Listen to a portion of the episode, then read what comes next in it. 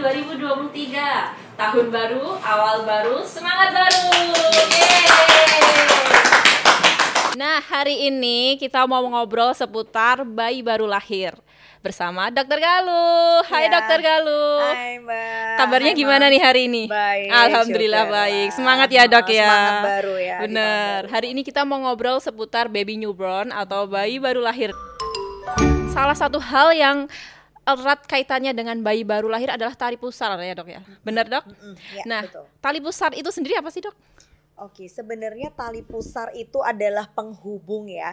Jadi kita tahu kalau bayi di dalam kandungan itu untuk tumbuh dan berkembang pasti Oh, dong iya. Eh, dari nutrisi mamahnya Bener kan. nah, iya. penghubung dari nutrisi si mamah ke bayi ini adalah si tali pusar itu gitu. Jadi eh, memang dia sebagai jembatan Mm-mm. apa pun yang dimakan ibunya nutrisi apa pun akan masuk ke anak sehingga Lewat dia tumbuh kembang iya dia jadi bertumbuh kembang dengan baik judulnya begitu.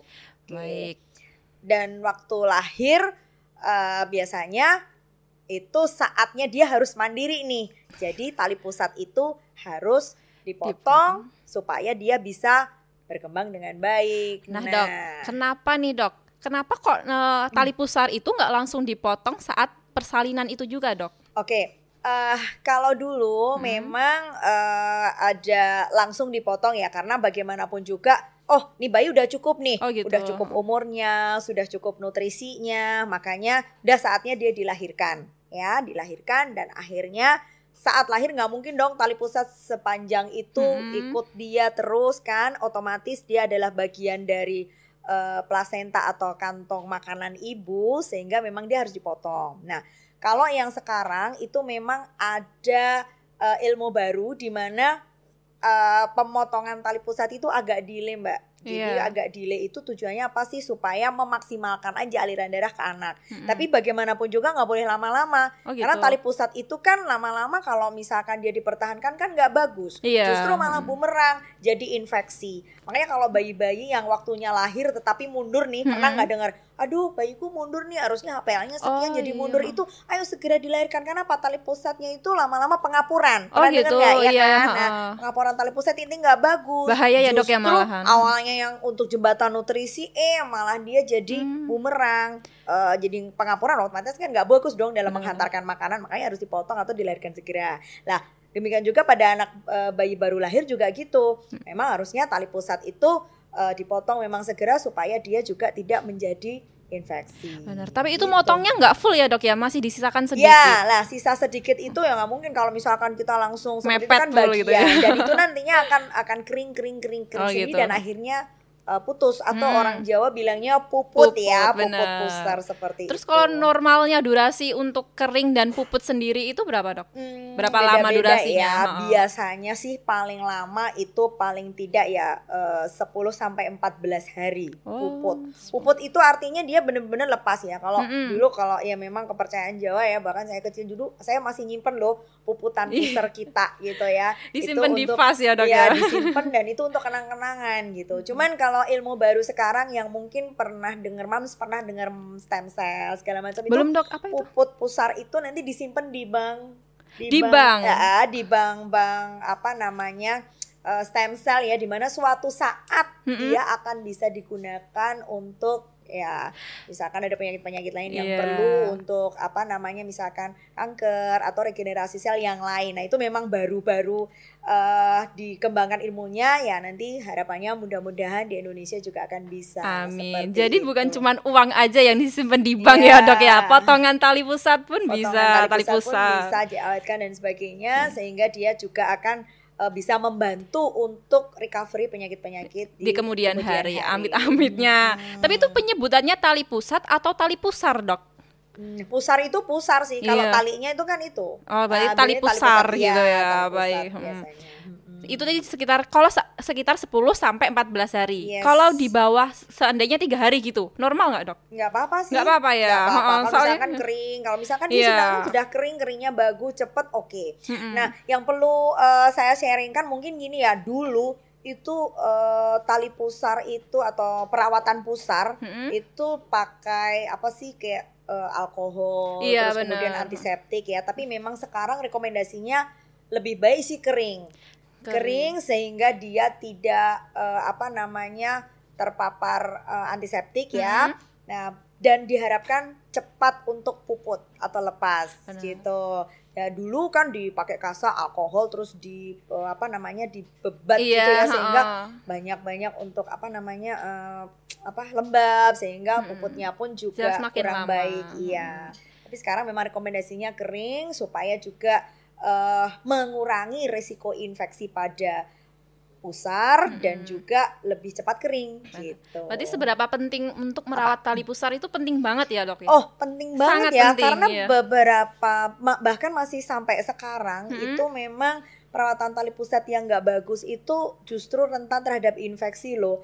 Coba bagaimanapun juga si tali pusat itu kan penghubung ya. Benar dok. Jadi kita kembali ke fungsi awal. Tali pusat itu kan penghubung di mana dari nutrisi ibu ke bayi. Nah, saatnya berakhir nih tugasnya, otomatis dia lahir, dipotong nih. Nah, kalau misalkan itu tidak eh, dirawat dengan baik, otomatis dia kan eh, apa namanya? Mantan dunia luar ya. Jadi dia akan akan berhubungan dengan dunia luar karena itu kan berlubang ya udah Iya. dipotong otomatis jadi banyak infeksi jadi bukan nutrisi punya lagi tapi jadi dunia luar lagi yang nggak Iya. beres Iya. misalkan misalkan mandiinnya nggak bersih terus kemudian ganti popoknya pipisnya sampai ke tali pusar segala rupa Oh, oh, pempes gitu. apa segala macam nah itu kan akan jadi pintu masuk kuman ke situ sehingga banyak sekali pasien-pasien ke kami itu jadi apa ya bahasa Jawanya menyinyih gitu loh jadi kayak, kayak bernanah gitu gak sih dok? bernanah Ya. dan bau banget darah. Nah, itu yang Heeh. harus eh, kita ingatkan ibu-ibu untuk membersihkan dengan baik. Nah, Hmm. itu dia. Makanya itu nggak boleh. Makanya harus dirawat kering.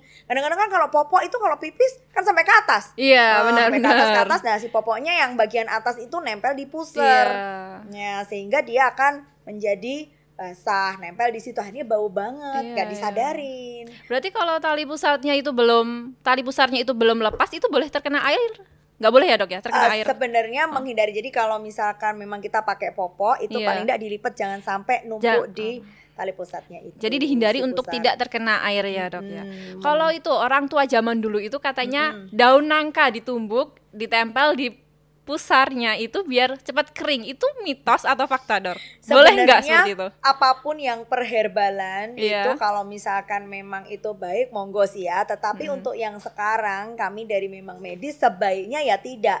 Coba kita tahu daun nangkanya steril apa enggak kan gitu Oh ya. Kalau iya, kita bicara bener. begitu ya. Jadi nanti daripada meningkatkan risiko infeksi Iya. untuk mungkin fungsi yang lain menyembuhkan luka cepat kering mungkin iya Mm-mm. tetapi dalam hal ini tali pusar dan apalagi bayi kan masih rentan banget takutnya malah jadi jadi sumber infeksi, Infeksi malah bener. gak karu-karuan Iya, kan heeh. gitu Kalau untuk merawat tali pusar sendiri itu perlu membutuhkan cairan infus nggak dok? Atau perlu air hangat aja boleh gitu? Gini, sebenarnya air hangat aja boleh ya. Cairan infus itu yang sering digunakan adalah cairan eh, NaCl atau garam fisiologis yang mungkin hmm, teman-teman mama-mama yang pakai softline mungkin tahu ya Oh itu iya, sebenarnya kan ha-ha, air cairan softline. garam air air air softline itu ya Iya. sebenarnya ya garam fisiologis. Nah, itu bisa untuk membilas, tetapi sebenarnya air hangat, air bersih pun nggak apa-apa ya, asalkan memang kita membersihkannya bagus dan kalau misalkan memang setelah dibersihkan ya harus dilap kering Sampai kering ya dok sampai ya? kering ya pakai kasa steril Hmm. atau memang tisu tisu apa namanya tisu kering supaya dia tidak basah saat kita memakaikan popok Iya. atau pampers begitu. Kalau tali pusarnya itu ada keluar darahnya itu normal apa? Hmm. Ada suatu infeksi? Oke, Hmm. keluar dari sebenarnya tanda-tanda infeksi tali pusar itu sebenarnya adalah eh, kulit sekitar pusar itu kemerahan, Oh gitu. kemudian berbau dan bernanah. Ya, mesti dok masih ada cairannya nanah dikit-dikit. Selama itu ya sisa-sisa biasanya kan ada nggak masalah sih selama tidak berbau dan bernanah. Dan ini apa namanya pinggirannya itu biasanya merah-merah. Hmm, Benar. Nah, Yang kalau- ringnya di, di Ya, luar ring itu ya dok ya? Kalau masalah darah kita lihat, kalau sekitar darah-darah kering hasil eh, si puputnya si tali pusar tadi is oke nggak masalah. Iya. Tetapi kalau darahnya kok merembes terus, merembes terus, merembes terus, Oh, berarti ada sesuatu luka nih gitu. Berarti kayak mengalir gitu ya darahnya Ya, ada jadi keluar kan nggak terus. tahu, tapi Ha-ha. dikit-dikit dikit Ha-ha, merembes, dikit-dikit, merembes ha-ha. seperti itu, maka kita harus uh, uh, memeriksakan deh kita lihat nih apa tuh gitu Benar, apakah benar. infeksi atau enggak gitu. Terus kalau ini kan eh, tali pusar itu udah mau puput nih dok, kita lihat Hmm. oh udah agak kering nih, Hmm. itu kita biarin aja sampai dia lepas cul sendiri atau kita tarik tuh eh, gitu. jangan ditarik dong Ngeri juga ya dengar Iya, ngeri juga biarkan alami Iya. ya biarkan alami artinya bener-bener biar dia kering Mm-mm. kering sampai bener-bener kering dan akhirnya dia lepas sendiri Oh gitu, jadi kita biarin aja Ha-ha. sampai dia bener-bener kering ya dok ya, lalu Nah, lepas PR-nya begini,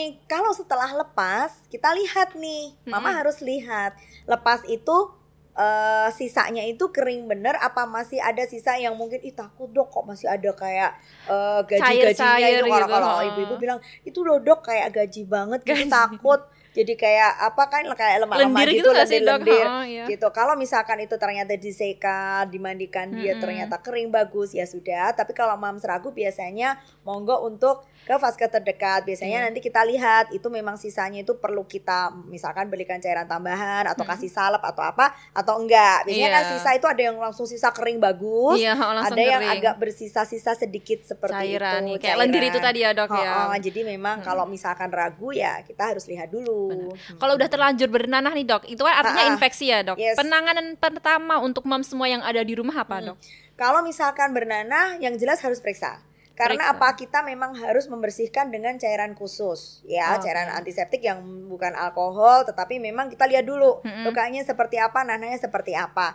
Kalau seandainya itu memang eh, nanahnya berbau sekali, otomatis kita selain membersihkan kita juga harus memberikan ada antibiotik yang dibubuk, Oke, ditepuk, dipupuk-pupuk di situ. Ada yang mungkin harus pakai salep, salepnya pun tuh seperti apa. Ada yang kadang kita harus mengambil contoh si nanah itu kalau produksi terus nih ya Mm-mm. contoh si Nana itu untuk kita labkan ini apa sih kuman gitu ha. apakah memang ternyata nanti kumannya dari misalkan tangan yang merawat waduh berabe juga nih Hmm. gitu karena bayi baru lahir biasanya kalau bagus-bagus aja kan nggak mungkin tuh dia sudah Hmm. ngantongin infeksi kecuali orang sekitarnya yang nggak beres kan Iya. gitu ya atau ternyata kuman yang dari pipisnya ini ditemukan kuman yang sebenarnya si kuman ini ada di infeksi saluran kencing bisa Iya. bisa jadi Oh, iya, Nangkep iya, nggak maksudku oh, nah tahu, itu tahu, kan iya. yang yang yang akhirnya loh kok bisa begini berarti ini dari rembesan dari, Dari- sini itu iya, sering sekali air seperti bibisnya. itu nah dan kadang-kadang Hmm. kalau sudah seperti itu anak biasanya ada gejala agak-agak demam gitu demam kayak eh, apa eh, be- apa ya demam terus kemudian mm, Rewel gitu nggak dok nangis terus seharian? terus oh apa ya nggak nyaman kan seperti Iya. ini terus ini kalau perabaannya juga anget-anget gitu di oh sekitar gitu di sekitar perutnya. Ah, perutnya kok jadi iritasi banget dan akhirnya lama-lama melebar. Kadang juga nggak mau nyusu ya dok ya kalau Iya. bayi ngerasain sakit di tubuh itu. Dan mungkin si dokter atau nakes perlu memberikan antibiotik dari, Dari dalam, ya untuk Diminum berarti ya, dok, ya. Iya, gitu. Iya, kalau tali pusar yang tadi dokter jelaskan eh, ber- kan setelah lepas kadang masih agak berair ya kan ada lendir-lendirnya itu termasuk tanda-tanda infeksi awal atau emang itu hal yang biasa dok? Hmm, bisa infeksi awal, bisa hal yang biasa sih. Kalau gitu. misalkan dia bisa dibersihkan dengan tuntas, is oke, aman-aman.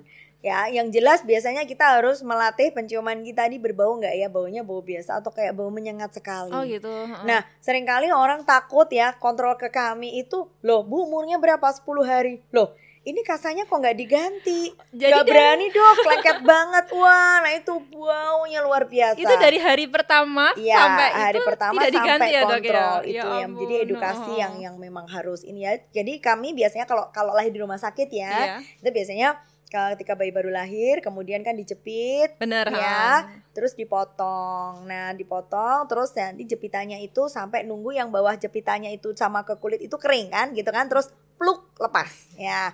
Nah, sampai menunggu itu ya itu tadi bervariasi Iya. bisa tiga hari kek, bisa lima hari, dua bisa minggu pun 10 hari, juga normal minggu ya dok ada. ya. Nah, kalau misalkan itu eh, biasanya kami dok takut dok kalau eh, apa ya bahasanya ibil-ibil begini nanti kalau mandiin gimana takut ganti pampers takutnya gimana gimana Hmm. kita kasih kasa kering tapi kayak cuman nutupin juga nggak kenceng banget Iya, uh. gitu nah habis itu nah tapi tetap sehari dua kali waktu pas mandi atau sibin itu harus diganti Oh, supaya gitu. tidak lembab nah itu dulu lembab jangan kenceng banget dan akhirnya jadinya Nah. begitu itulah potensi infeksi Itu tadi Gitu. kalau kasanya udah nempel nih dok, kita ngebukanya gimana? Pakai apa? Pakai air hangat juga nggak apa-apa Heeh, tapi Jadi yang penting itu dikeringkan lagi ya. Dok, ya? Mm-mm, begitu Terus kalau untuk ini pusar bodong dan tidak bodong. Kalau orang zaman Oke. dulu pusar diteken pakai koin, itu gimana dok? Uh, Biar gak itu bodong. teknis ya sebenarnya ya. Kalau ini ada pusar bodong itu ada dua nih. Iya. Pusar bodong yang biasa aja, artinya variasi normal, Mm-mm. atau pusar bodong yang memang suatu bagian dari suatu penyakit. Kayak Nah. menonjol gitu. Ha pusar bodong itu bagian dari suatu penyakit. Contoh nih ya, nanti Mams bisa eh, lihat eh, browsing nih hipotiroid. Nah, di hipotiroid itu memang ada pusar yang tampaknya kok bodong banget. Nah, itu memang tanda dari suatu kelainan yang lain. Iya. Nah, tapi kalau misalkan pusar bodongnya itu kayaknya anakku baik-baik aja, boleh sih. Sebenarnya tummy time sih, Hmm. sering-sering dikurepin, Oh iya, dikurepin itu. miring gitu sih. Nanti lama-lama hilang. Tapi kalau misalkan dikasih pemberat ya, pemberat Hmm, terus dikasih koin, kasa, hmm. koin ya, ada juga sih yang kempes-kempes aman-aman aja. Sebenarnya tanpa itu pun juga nanti bila dia bukan bagian dari penyakit yang lain, dia akan mm, apa apa ya nata sendiri kok nanti akan Masuk jadi normal sendiri masuk gitu. sendiri akan jadi normal karena kan pusat kan akhirnya nanti begini Iya, oh, Ya, cekung oh. gitu ya dok ya, cekung, ke cekung. dalam. kecuali kalau misalkan dia bagian dari itu Penyakit tadi penyakit lain Tapi juga ngeri banget gak sih dok? Koin Apa? kan takutnya kotor ya dari luar. itu ditekan, makanya oh, koinnya dibungkus kasa kalau pasien pasien-pasien gitu koin koinnya tuh dibungkus kasa kasanya Hmm. juga harus diganti terus kemudian dikasih plester gitu Pastikan kayak kebersihannya teman-teman, pastikan kebersihannya juga gitu Iya, jadi ngeri-ngeri sedep ya dok ya, diteken pakai prinsipnya sih koin. pemberat sih oke Oke, paham oh. kita boleh boleh aja tetapi paling tidak ya kita harus jaga kebersihannya jangan sampai Oke. jadi bumerang itu tadi Oke, infeksi. baik dokter. Mm-mm. Nah, mam semua yang ada di rumah, jadi udah paham ya kalau merawat tali pusat, tali pusat itu sangat penting ya dok ya. Mm-mm. Bisa dengan variasi banyak pakai air hangat boleh, pakai yang penting dipastikan keringnya ya dok ya, walaupun Iya. pakai air hangat tapi dipastikan kering. Mm-mm. Nah, untuk agar tali tali pusarnya tidak bodong, bisa dengan sering-sering kita tummy time. Iya. Tiap pagi ya dok biasanya. Iya, Setiap boleh. pagi Mm-mm. sekalian berjemur gitu nggak dok? Mm-mm, boleh Berjemur, berjemur, oh. terus kemudian berjemur kan harus seluruh permukaan tubuh Oh iya, ya ha-ha, berjemur. Mm, itu durasi tummy time. untuk tummy time itu berapa lama, Dok? boleh sih tergantung anaknya juga ya bisa Mm-mm. 15 menit Oh, gitu, 15 nggak menit ya, untuk baby newborn ya, Dok, ya? iya kalau newborn Nah. 15 menit nggak apa-apa Iya. bahkan bayi prematur pun boleh loh Oh, di tummy gitu. time Mm. Jadi nggak masalah tapi tetap kita juga harus pastikan pernafasannya jangan sampai seperti ini jadi kayak miring tapi dia tummy time seperti Benar. itu Jadi tummy time itu bisa membantu untuk memasukkan bud- Mm-mm. bodongnya ya, Dok Bodongnya ya, bodongnya. itu. Baik. Mm-mm. Terima kasih Dokter Galuh sudah Iya. berbagi ilmunya seputar kebodongan ya, Iya, bahasanya kepada tali pusar bayi baru lahir. Terima kasih Dokter. Iya, Untuk mam semua yang ada di rumah, terima kasih sudah menonton kami. Sampai jumpa di episode selanjutnya. oke